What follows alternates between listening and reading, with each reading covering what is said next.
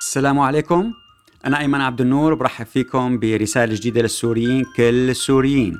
وبشكركم على هالمتابعة الممتازة لكل الحلقات السابقة. وإن شاء الله بس ما تنسوا تبعتوا لكل رفقاتكم أيضا سواء عبر الفيسبوك أو عبر غرف الواتساب لحتى تعمل فائدة بشكر موقع الشفاف بفرنسا اللي بده يعيد نشر كل الحلقات القادمة. أيضا ممكن ذلك لكل الراديوهات اللي عم بتبث سواء داخل سوريا أو من غازي عنتاب ممكن أيضا يعيدوا يبثوا الحلقات آه، وبالتالي بتعمل فائدة لكل الناس توصل هالمعلومات لكل أهلنا اللي بالداخل.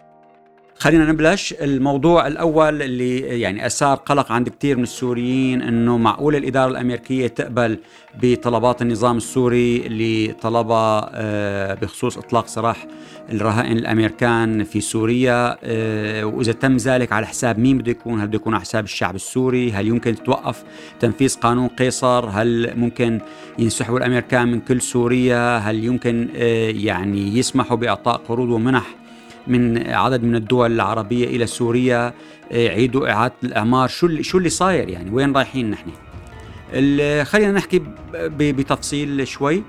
القصة ما جديدة يعني القصة صار لها أكثر من سنتين بس كانت تتم على مستوى لقاءات منخفضة آه، مستويات أجهزة أمنية كانوا حتى يروحوا على دمشق ويناموا بفندق الشيراتون بدمشق بساحة الأمويين آه، كان في بعدها نجح اللواء آه، عباس إبراهيم مدير الأمن العام بلبنان بإطلاق سام جودوين اللي هو كان بسوريا وأيضا نزار زكا بإيران أطلقهم ساهم بإطلاقهم يعني عام 2019 وبالتالي شافوا الامريكان إنه هو خرج يتم التعاون معه وصار في أخذ وعطى معه بخصوص بقية الامريكان اللي آه، محتجزين في سوريا.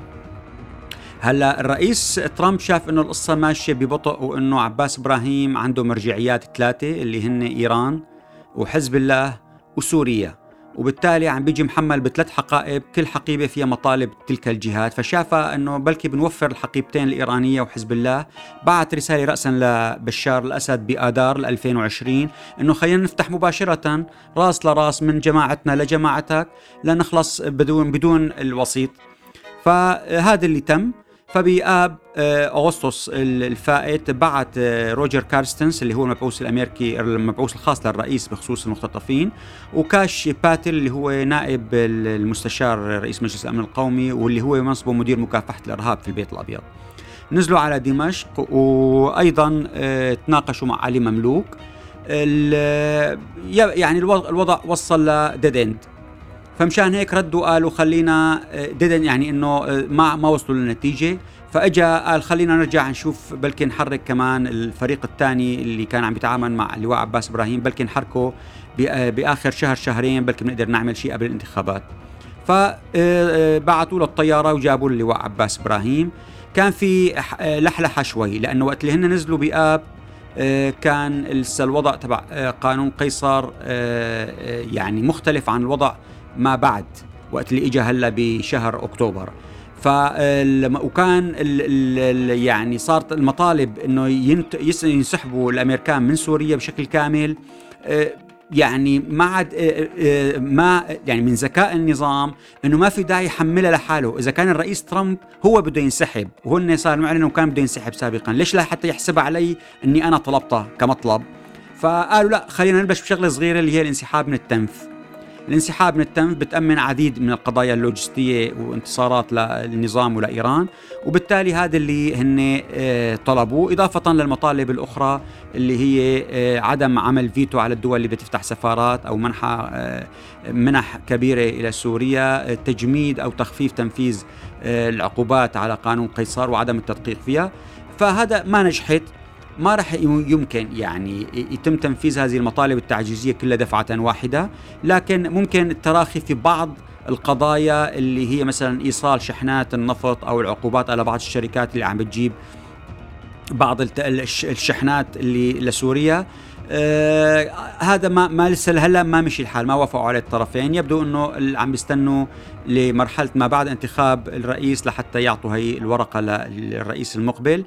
لكن كان في تباشير حتى معقولة إنه يكون في تبادل. لكن لحديت الآن ما في شيء.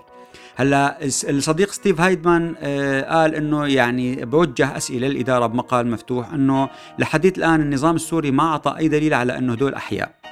اثنين ما آه يعني معقول نحن مشان مقابل دليل نتخلى عن كل الشمال الشرقي وعن الشراكة مع الأكراد وبالتالي بيقوى داعش آه وقت اللي بينسحبوا الأمريكان.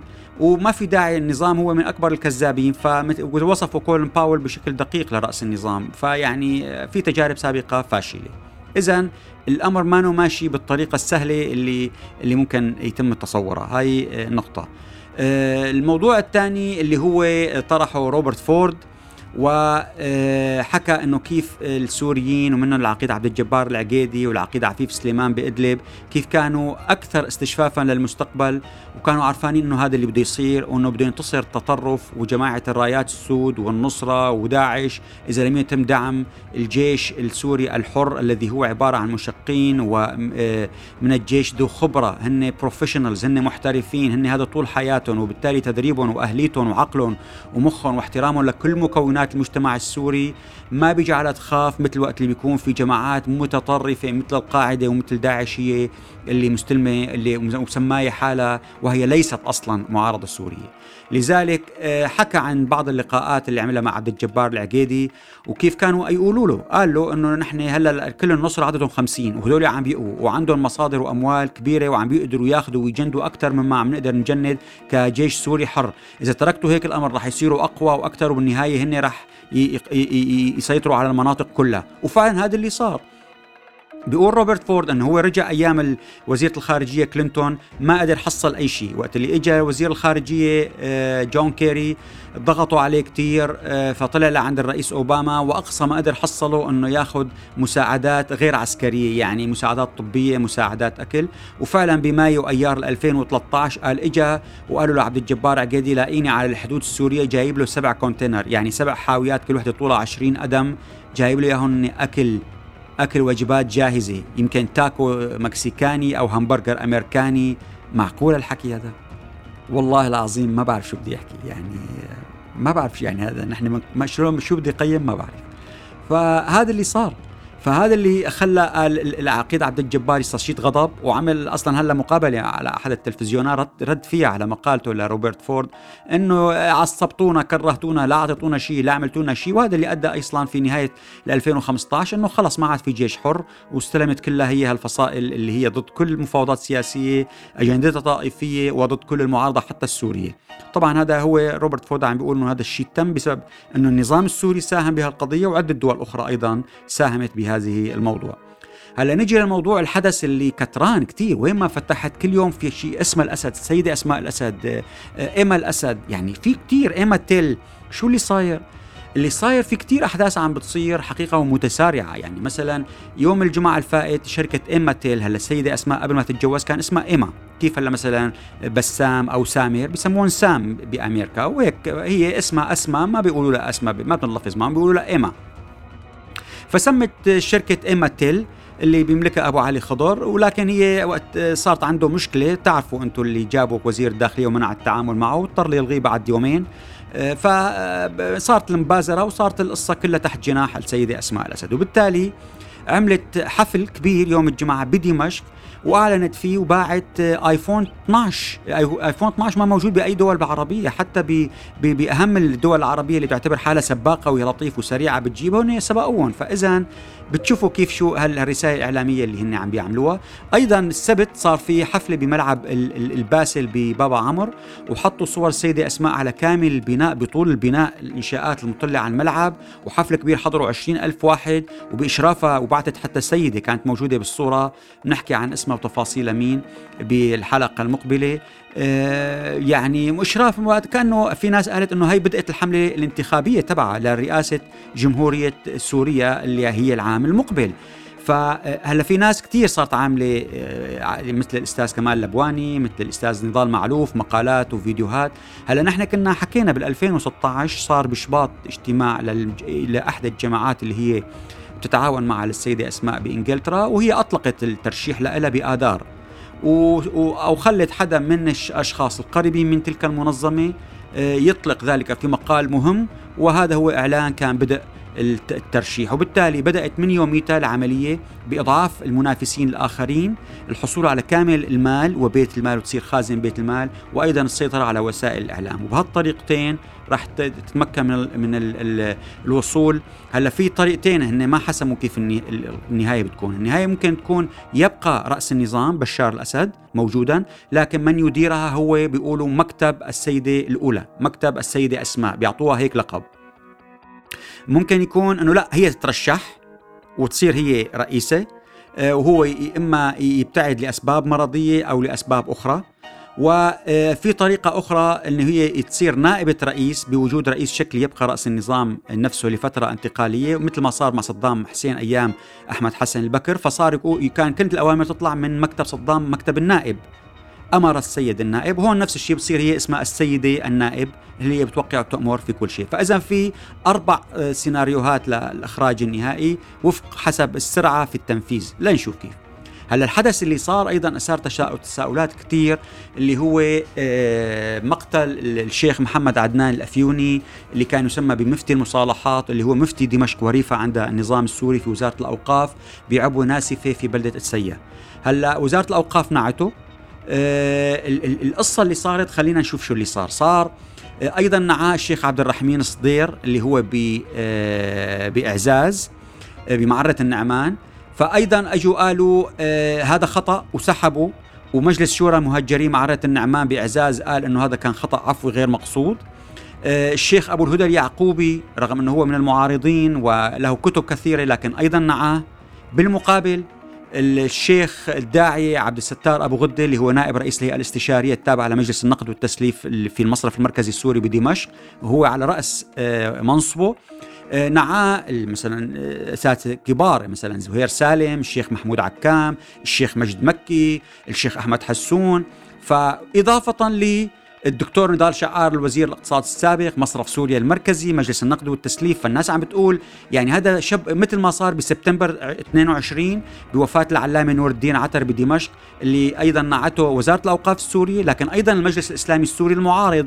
طيب شو اللي عم بيصير؟ يعني ليش فقط هالقصة هالظاهرة عم بتصير عندما يكون علماء الدين الإسلامي؟ يعني بتلاقي الموالاة والمعارضة بيتفقوا على نعوة ذلك الشيخ. ففي مقال هذا ما بدي ما عندنا ما عاد عندنا وقت استهلكنا وقت كثير إنه بيقول إنه هدول العلماء الدين عم بيطوروا علاقات عابرة لمفهوم الموالاه والمعارضة لأنه هي ما بتتعامل مع الحدود السياسية الجغرافية اللي نحن بنعرفها وبالتالي بتتعامل مع مفاهيم مختلفة آه، موضوع طويل. بتركه لكم أنتم تقدروا أيضا ليش يعني ليش الكل عم بيعمل هيك. عديد من الأخبار وزير الاقتصاد والتجارة قال إنه صار مستوردات سوريا آه، خفضتها ل 3.1 مليار يورو بعد ما كانت 4 مليارات، الصادرات ما تجاوزت فقط مليار دولار فالعجز هو 3 مليارات يورو، ووزير الإدارة المحلية حسين مخلوف قال قدام إنه مجلس الشعب إنه رجع 5 ملايين مواطن لبيوتهم اللي كانوا داخل سوريا مهجرين وعادوا مليون واحد من الخارج. صار في حرايق يوم السبت بين كرم الحلواني وشبلو والمزيرعة. حقيقة يعني مشكلة لأنه صاروا يقولوا أهالي المنطقة أنه النظام عم بيحرقها لحتى يغلق أزمات يخلق أزمات محلية حتى يستبدل. ما يعود حدا له هم يحكي في الأزمة الوطنية وكيف راحوا أولادهم وجندوهم وقتلوا لهم إياهم. النظام السوري وبالتالي يلتهي بأرضه وكيف بده يصلح الحرايق بياخذ قرض وبصير بقى عبد للمصرف الزراعي وعبد للمؤسسات اللي بتملكها السيدة أسماء الأسد وعم تعطيهم القروض هلا المدرب التونسي نبيل معلول مدرب المنتخب الرياضي صار له سبعة أشهر هو ومساعدينه ما عم بيقبضوا معاشات كمان عم يعني رفع الصوت. وزارة التجارة الداخلية رفعت سعر المازوت من 290 ل 650 للمازوت الصناعي. سعر ال ال أيضا رفعوا سعر البنزين من 250 ل 450 للمدعوم والمدعوم والغير مدعوم صار 650 ليرة سوري للتر الواحد. بشار الأسد رفع المعاشات اعطى منحة 50 ألف ليرة سوري لمرة واحدة خفض الشرائح الضريبية وعطى منحة للمدنيين والعسكريين 50 ألف ولا منحة للمتقاعدين 40 ألف. عين أيضا بشار الأسد محمد يسار عابدين رئيس لجامعة دمشق وبتميز بأنه ما بيلبس كرافات على الطريقة الإيرانية، الائتلاف المعارض طلب من الحكومة البريطانية أنه يسمح له يعين ممثل له وجت الموافقة وبالتالي نتمنى أنه يحسن اختيار الشخص اللي بيمثل الائتلاف ببريطانيا. مجلس الشعب أقر مرسوم ألغى الهيئة العامة للمصالحة الوطنية وهذا الشيء كثير خطير لأنه ب 2018 ألغى الوزارة وزارة الدولة اللي كان عليه رأسها علي حيدر بدلوها بهيئة. هلأ ما عاد في داعي كل القصة ما دام انتصرنا بالحرب ولا في شيء هالمسخرة بلا بقى هيئة وبلا مصالحة وبلا شيء حلا وزتها. وزته لبرا للوزير السابق اللي علي حيدر كان يرأسها لهي الهيئة. وبالتالي يعني هذا الواقع. تم الإفراج عن سيادة العميد أحمد رحال بعد باعتقاله 73 يوم وطلع من غازي عنتاب لاسطنبول لكن وضعه سيء. لأنه هو يفترض إنه يطلب منه إنه يمكن يغادر تركيا ما راح يبقى فيها. فكمان هذا بنأسف لهالقصه صفوان مؤقت مدير معهد الشرق الأوسط للتدريب بغازي عنتاب مختفي. أيضا هي كمان مشكلة كبيرة. الناجحون اللي هن معتصم المصري 23 عام صار فاتح ثلاث فروع على عطور سورية بهولندا وبألمانيا. محمد ونعيم الظاهر بكاليغاري بكندا بدعوا بزراعه الخضروات وصاروا متبرعين للفقراء بال 1000 كيلوغرام. أيضا البطلة نور إينار اللي عمرها كان عشر سنين وقت الكيماوي الغوطة أخذت جائزة السلام للأطفال واللي هي على مستوى العالم كله وبيضت الوجه رائعة جدا. الفنان عبد القادر ملا اللي هو مع بنتينه جوا وشزع القانون بدعوا على التلفزيون الهولندي ويعني وحازوا على الإعجاب كلهم. الفنان السوري نعمة عمران عندها حفل ببروكسل بيوم 29 الشهر وراح تدندن بصوتها الرائع جدا سرياني وآرامي وعربي وغناء صوفي وبنقول لهم كلهم ألف مبروك. وشكرا لكم جميعا.